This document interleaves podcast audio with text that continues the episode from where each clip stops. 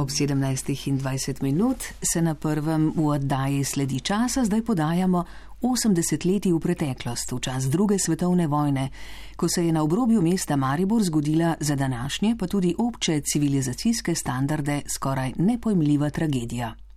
Oddajo je pripravil Marko Radmilovič. Mesto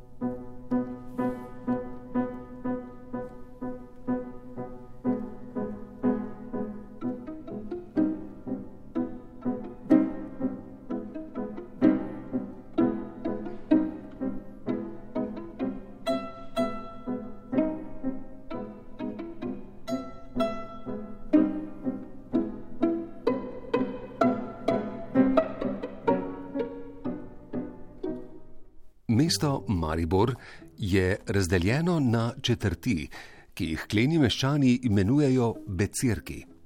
Odkot si doma je pri poznejšem socialnem, poklicnem ali pa celo osebnem usponu v življenju še kako pomembno. Študenci, tabor, center, košaki, pobrežje, tezno, če neštejemo glavne. In med njimi je grdi raček s slabimi možnostmi postati labot, melje industrijsko stisnjeno obdravo in melski hrib.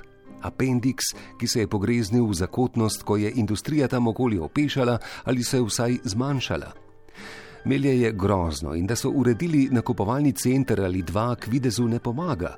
O predelu, ki poteka južno od Melske ceste, še nekako gre, severno od nje pa je doma okoljsko razdejanje, ki se zdi v Sloveniji 21. stoletja skoraj nemogoče. Najhuje je v trikotniku med Trdinovo in Einšpilerjevo. Obe ulici poznam iz Ljubljane in na obeh, čeprav to nima z današnjo oddajo prav nobene zveze, sem tudi bival. Ena v središču s policijsko postajo in parkirno hišo, druga v miru Bežigrada, sta prestolni ulici dramatično drugačni od brezupa Mariborskega Melja. Kot bi se vojna pravkar končala, so fasade hiš žalostno olupljene in naše poslopje se povsem uklaplja v splošno podobo.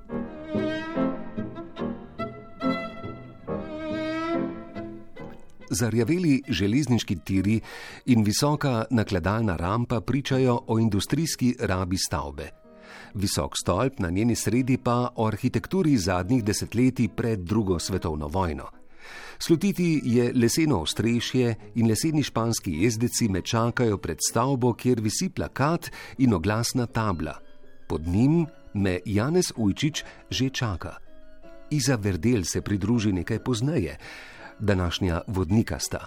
Vodnika po muzeju, ki še ne obstaja, in vodnika po zgodbi, ki se ni zgodila. Janez Ujčič. Najprej so je rusko veleposlaništvo leta 14, že na začetku, poslalo v muzej narodne soditve škatlo ali pa škatle arhivskih dokumentov, približno čez tisoč je bilo teh dokumentov, 1200 se mi zdi, in to je bila osnova za nadaljne raziskovanje.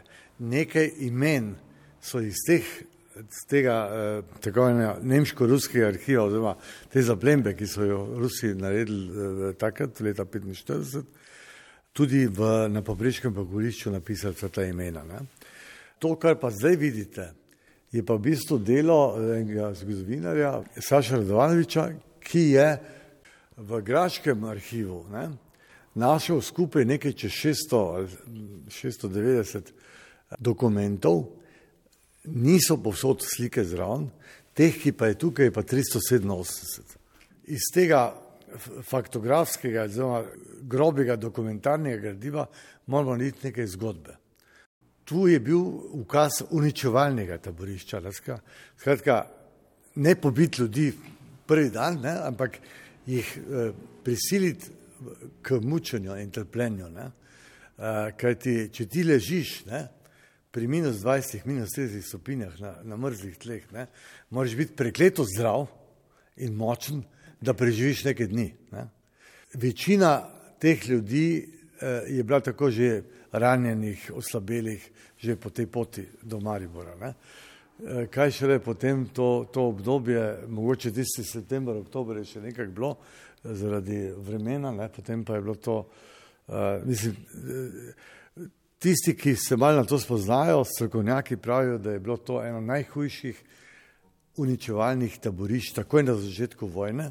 Dvakrat na teden neko čorbo, vmes je bila tudi slama in podobno. In, eh, zaradi, tudi zaradi tega se mi zdi, da je prav, da se spomnimo eh, teh, teh dogodkov. Ne. Janez Ujčič je človek mnogih talentov in mnogih karier.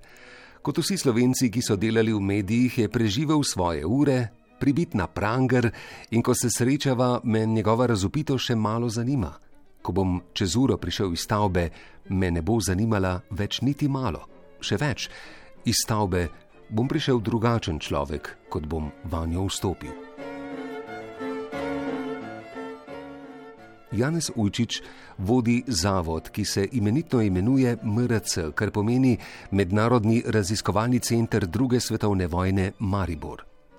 V bistvu pa sta Zizo direktor in pomočnica, hišnik in tajnica, skrbnik in skrbnica, vodnik in vodnica ter promotor in voditeljica velikega, grdega, delno lesenega poslopja, imenovanega Štalak 18D. Vstopimo. Prostor je ogromen, z leseno konstrukcijo skoraj večnega slavonskega hrasta in hladnim betonom. Po stenah so razobešene nesorazmerno velike fotografije človeških obrazov, prekopirane iz kartotek, ki vsake toliko prav tako povečane prekinejo vrsto fotografij. V nas zre slovanska duša. Ljudje sicer trpkih pogledov, redko prestrašenih, čeprav prav gotovo z zavestjo, da pred fotografom stojijo zadnjič v življenju. To, kar danes vidite tukaj, je edino to vrstno ohranjeno taborišče v Evropi. Tako je. In ko smo gledali, kje so pa možnosti Slovenije, da bi tudi skozi eh, ta spominski del eh, lahko prišli do tudi nekega kvalitetnejšega kulturnega in gospodarskega sodelovanja z Rusko federacijo in z drugimi slovanskimi državami, eh, smo mislili v tem najbolj žlahnem pozitivnem smislu. Ne zato, da bomo zdaj trgovali z, z umrlimi. Ne? In to pač nekateri ne znajo to vrednotiti ali pa oceniti. In uh, mi želimo, da, da iz tega postane nek uh, Evropski koordinacijski center, zdaj za ta del Evrope, uh, z muzejem, ki se bo dopolnjeval, kolikor bomo, kolikor bomo seveda našli vse dokumente, teh je še približno 2500 imamo najti. Ne? Uh, in z nekim aktualnim raziskovalnim pogledom na v bistvu aktualne teme, ki še mogoče zanimajo, čeprav o tem je težko govoriti, mlado generacijo, preteklost glavno ne zanima, ampak eh, vseeno pač mislimo, tudi imamo te napise, take ne, spoštovanje preteklosti za blaginjo prihodnosti, eh, neko, neko kvalitetno oceno, kaj je zgodovinska resnica, pa moramo imeti. Ker če te na koncu ne bomo vedeli več, kdo je, kdo je bil kje, pa, pa eh, neka zgodovina pa mora biti v nas tudi mladi generaciji, ne, prezentna, če hočemo pač uh, biti bolj samozavesten, bolj samostojen narod. Nekako je logično, da mesta čuvajo svoje skrivnosti, praviloma starejše in bolj skrivne, kot je spomin mesta. Recimo iz antike ali srednjega veka. Pa še te skrivnosti sodobna znanost odkriva in raziskuje, da bi se današnji ljudje iz napak naših prednikov čim manj naučili. A manj je verjetno, da bi mesto očuvalo skrivnost, ki je stara piškavih nekaj desetletij. Skrivnost, ki je bila vse čas tu in ki jo bomo v današnji oddaji pojasnili le delno. V eni prihodnjih oddaj bomo namreč govorili o zgodnjem nacizmu v Mariboru, kot ga je opisala prodorna zgodovinarka Mateja Rataj v svojem najnovejšem delu. Takrat upamo, bomo v današnji oddaji dali razumljivejši okvir. Zato se potopimo v zgodbo kot jo pripoveduje poslopje, kot jo pripoveduje ta naša današnja sogovornika in kot je povedana v edinem znanstvenem delu na to temo, ki je nastalo kot plot raziskav Lare Ive Drev. Prvič to, da je bila ta zamočana skrivnost in drugič, se mi, ne se mi zdi, sem pripričan, da bi Maribor lahko dosti več od tega, od tega razkritja in te postavitve nekega kvalitetnega spominskega obležja, ki se razvija v raziskovanje in hkrati muzej, imel veliko več. Kajti pri Rusih je pač navada ta, da, da, da tudi pri gospodarskih stikih igrajo čustva zelo pomembno vlogo. In jaz vem, ko je takrat bil uh, minister Lavrov tukaj, ko je imel solzne oči, ko je gledal ta program in, in vse, te, vse te dokumente in ko je potem povedal tudi predsedniku Putinu, so se odločili, da grejo tukaj do konca. Mi imamo iz tega narediti eh, kvaliteten muzej, ki ima strokovno podlago, eh, delamo tudi eh, popolnoma novo vizualno podobo z, z arhitekti, tako da se mi zdi, ko danes gledam nazaj, ne, da ko smo uh, delali to takrat zelo kvalitetno uh, prireditev, ne, da je mogoče kdo tudi iz Rusije mislil, da je to končano. Ne, da je ta virtualna predstavitev tista, kjer ne rabimo nič več narediti. To je pa stavba, ki terja z odličnim les, lesenim ogr, torej ogrodjem, ne, uh, zamenjavo strehe, Eh, pod v prvem odstopju. To je, to je okoli 3000 kvadratnih metrov, ne, 2600, nekaj tašega. Z usponom ne le revizionističnih, temveč tudi protisemitskih gibanj 21. stoletja se zdi obujanje spomina na holokaust civilizacijska dolžnost. A med spominjanjem na šest milijonov umrlih judov pozabljamo na še eno skupino, ki je doživela podobno iztrebljanje. To so bili sovjetski vojni ujetniki. Po grobih ocenah sodobne znanosti je od zajetih 5,7 milijona sovjetskih vojnih ujetnikov življenje v ujetništvu izgubilo kar 3,5 milijona nesrečnikov. Še danes prisotna teza, da je za nečloveško obravnavanje sovjetskih vojnih ujetnikov krivo dejstvo, da Sovjetska zveza ni podpisala Ženevske konvencije, ne zdrži resne presoje. Ženevska konvencija v enem svojih členov nalaga zmagovalcu obveznosti tudi do ujetnikov držav, ki dokumenta niso podpisale. V odnosu Nemcev do sovjetskih vojnih ujetnikov si mimo mednarodnih konvencij zrcalita dve liniji prezira, ki sta naciste vodili k njihovemu razčlovečanju. Najprej so bili sovjeti očitno predstavniki manj vredne slovanske rase, ob tem pa še predstavniki manj vredne ali mogoče celo konkurenčne ideologije, ki je bil komunizem. Kot taki so bili ujetniki vredni manj kot živali, kar nažalost ni literarna figura, temveč v mnogih primerjih izpričana resničnost. Ni se želelo kaj dosti govoriti o tem. Stari mari vrčani, ki so tukaj živeli kot otroci takrat, niso upali iti Eh, igrali so se v tem okolju, vendar je bila tukaj takrat v letih 50, recimo 52, tu neka vojaška straža, ki je seveda, ne vem koga so takrat pazili tle noter, ampak očitno niso dali, eh, niso dali možnost ljudem, da bi karkoli spraševali, vedeli o tem. Tako da mislim, da do do obdobja, ko, so, ko je tekla hitra cesta skozi mesto, ko so prvič nasli neka okostja, tu v bližini, šele takrat se je začelo nekaj šušljati in pravzaprav uradno se pa je začelo o tem govoriti uh, leta 2010 in to na pobudo takrat Edvarda Vedrnjaka in seveda tudi uh, takratni veleposlanik, uh, ki je prišel v, v Slovenijo službovati leta 9, 2009, je sam nekako uh, iskal po, po Mariboru, očitno so bili neke informacije že znane, kje, kje bi to taborišče bilo. In takrat sem jaz bil tudi pač slučajno podžupan in sem prijel to zgodbo kot nek posebni izziv. Junija 1941 so Nemci napadli Sovjetsko zvezo. Kako sta se tok te velike bitke in z njim vojna sreča obračala, je stvar splošne razgledanosti. Za nas je pomembno dejstvo, da je bil napad v prvih mesecih poletja zelo uspešen. Šokirane, slabo izurjene in zaradi čistk obglavljene sovjetske armade so se umikale na vsej frontni črti. V tem času so Nemci zajeli ogromno ujetnikov in posledično so jih začeli razvažati v različna ujetniška taborišča po vsem na novo porajajočem imperiju. Eno takšnih je zraslo v prostorih nekdanjega jugoslovanskega carinskega skladišča v Mariborskem Melju. Na tem območju v Melju je bilo skupaj okoli 15 tisoč uh, ujetnikov. Od tega je bilo v prvem obdobju, tam 41-42 do prvega poletja, uh, 5129 uh, sovjetskih vojnih ujetnikov. 5000 jih je umrlo. Nekaj jih je preživelo, nekaj jih potem je, pravzaprav preživel ni nihče, nekaj so odpeljali v druga taborišča. Uh, ostali ujetniki so prihajali postopoma, tudi na začetku so bili, vendar zaradi Ženevske konvencije so imeli relativno dobre pogoje.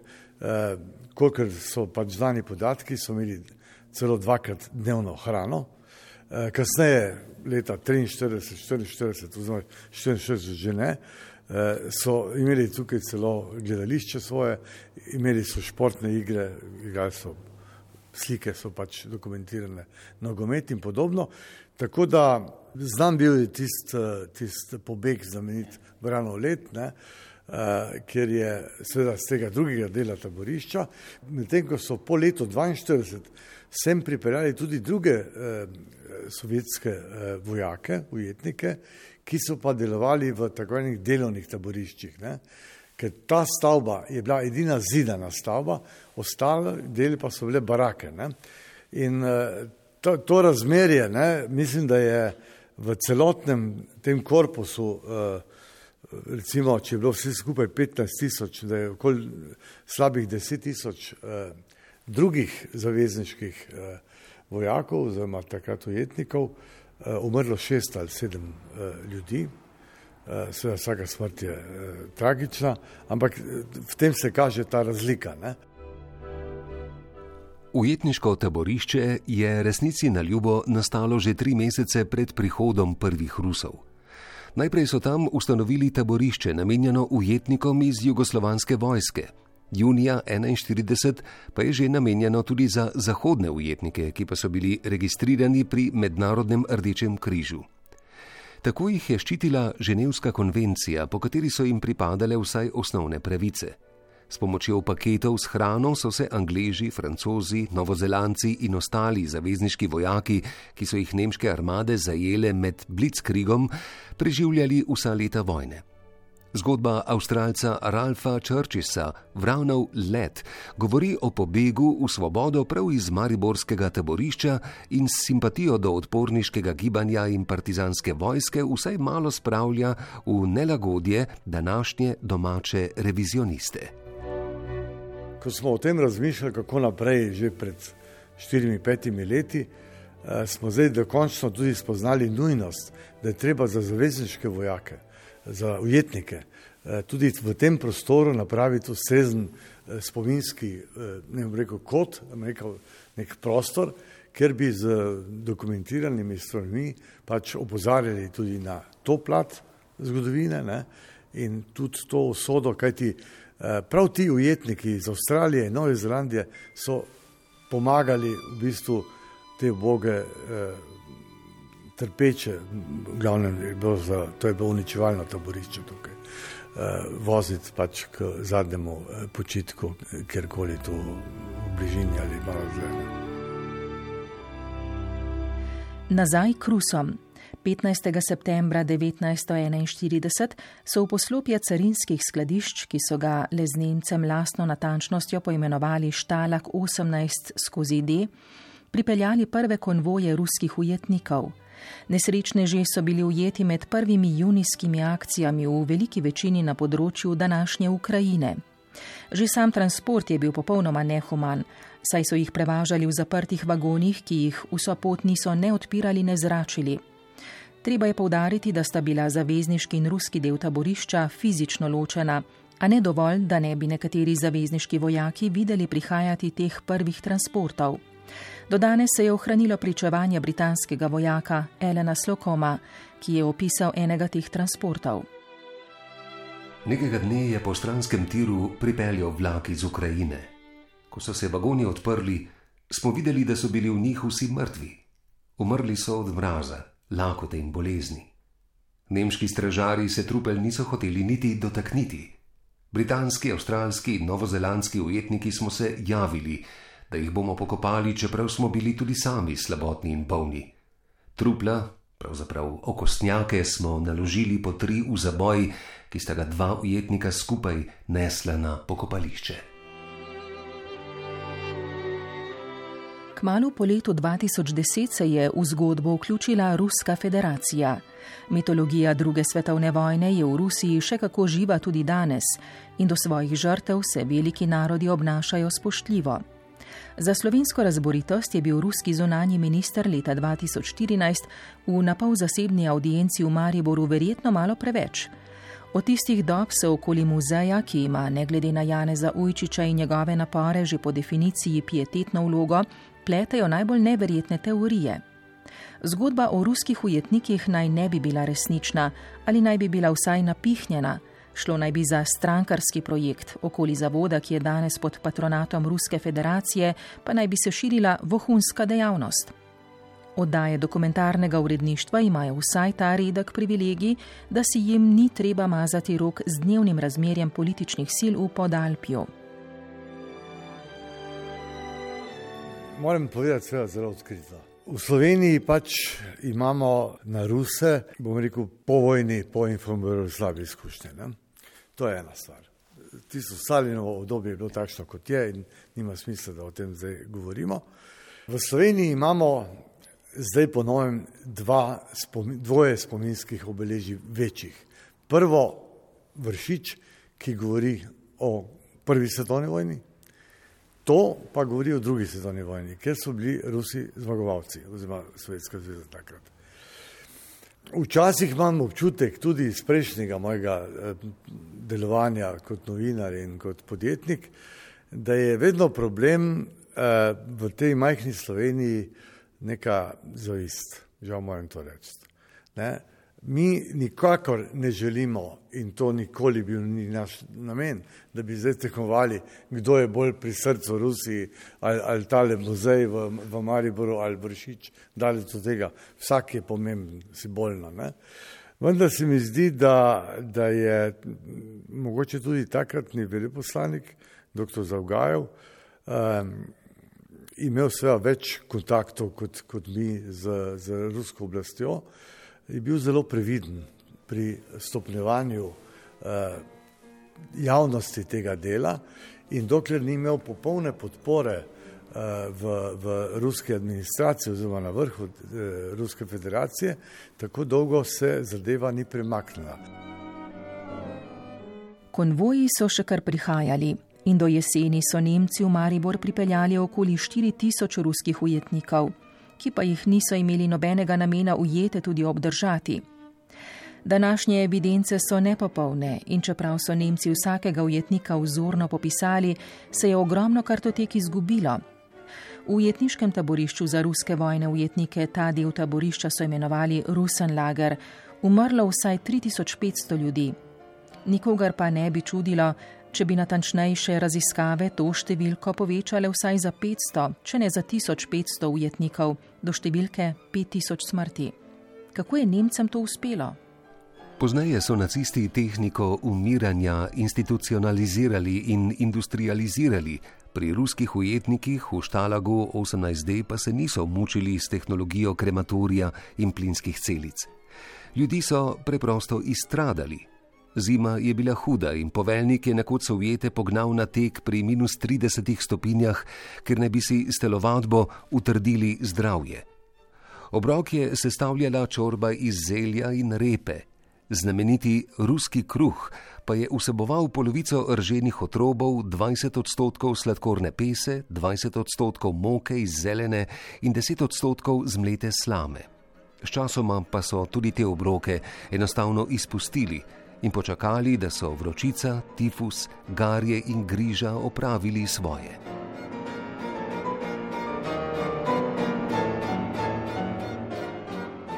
Statistika, na katero se je danes moč zanesti, je tista, ki jo hranijo arhivi pobreškega pokopališča.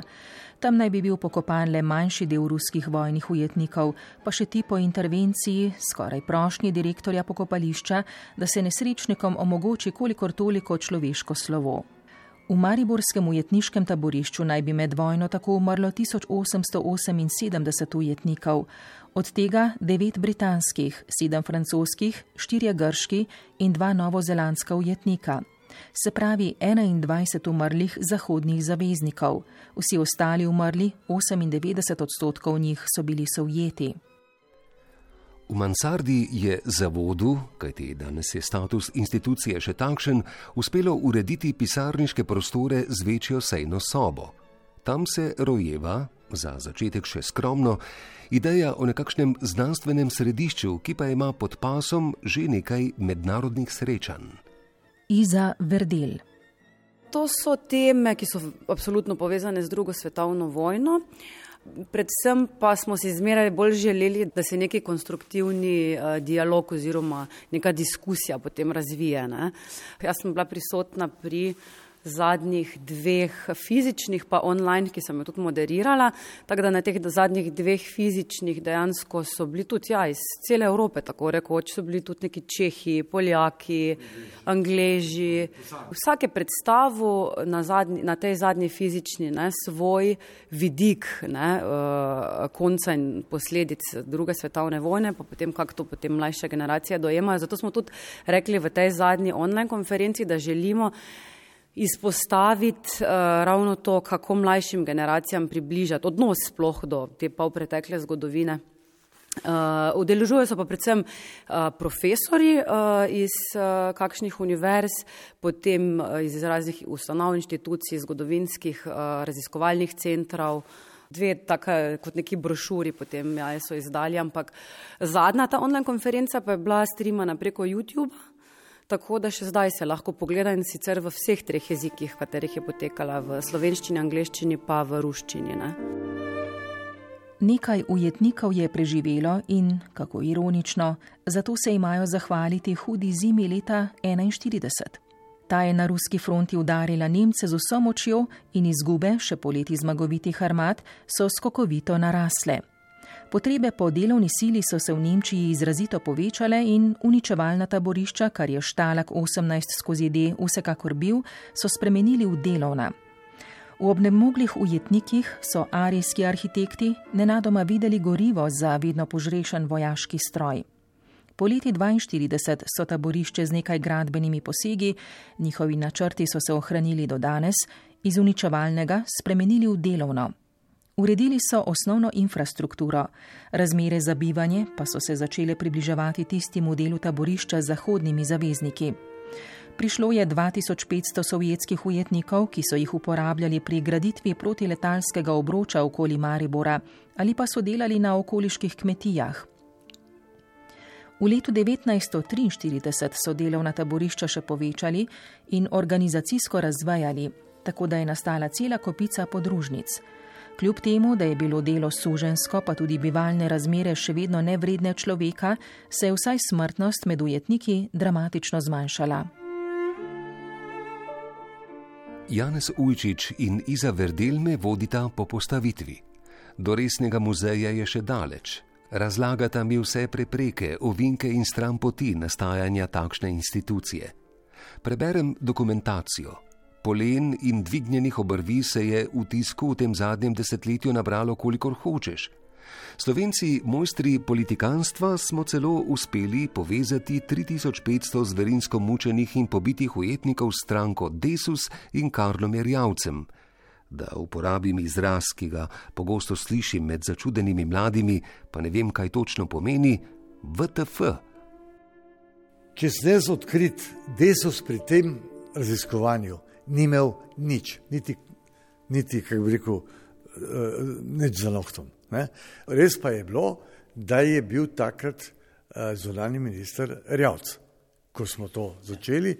In on je pravzaprav bil tudi sopredsedujoči te medvladne komisije Rusija-Slovenija, vendar osnovno vlogo pri tem je odigral nekdani veleposlanik. On je v bistvu načrtoval vso zgodbo, On je videl takrat v meni nekoga, ki si to upa narediti. Jaz ne morem reči, da, da mi je bivši eh, kolega Rjavc karkoli pomagal, bom rekel, v nekem direktnem. Mogoče si je mislil, ok, gre to naprej. Ampak takrat je bila pač eh, politika takšna, kot je bila, začeli pa smo to v času Janševe vlade, kjer je tudi se nič ni zgodilo. Takrat, ne? Neverjetno je, kako drugo največje slovensko mesto počasi odkriva svoje velike, pogosto tudi boleče skrivnosti in čeprav so bile mogoče že zabeležene v kakšni znanstveni monografiji ali članku, postanejo v mestu prezentne šele, ko jih tako ali drugače obdelajo umetniki. Če le pomislimo na opus Draga Jančarja ali pa recimo na Marpurge Zlate Vokač. Nesrečni ruski vojni ujetniki iz zime 41-42 svojega umetniškega odjeka še niso dobili. Komaj kaj se premika na znanstvenem področju. Do zdaj je ena uh, punca uh, na uh, Univerzi v Ljubljani na filofaksu, ne zgodovino, uh, končala za to temo. V bistvu dejansko se še tako, da bi nek velik znanstven prispevek bil narejen, še ni razen to, to je bila prva taka stvar. Ne. V muzej uradno je še zaprt in muzej uradno še niti nima statusa muzeja. Zdaj se s tem ukvarjamo, da to pač uredimo. Ne, si pa želimo zelo eh, čim prej to, ne, ker seveda sodelujemo z Muzejem narodne osvoboditve, ki ima zelo bogat in v bistvu odličen pedagoški program in imamo že skupaj tudi nekatere programe, ki bi eh, v bistvu seveda vključevali eh, naš muzej, tako da bi skupaj uh, izpeljali par teh programov, ampak rabimo seveda vsa dovoljenja, da je vse tako, kot mora biti. Trenutno si ga je mogoče ogledati ne uradno, tako da se pokliče ali mene ali Janeza, pa, pa pač vam odpremo, ne? tudi skupine. Ja. Ko se vračam, moram po oski stezi, ki vodi med zarjavelim industrijskim tirom in betonskim okopom.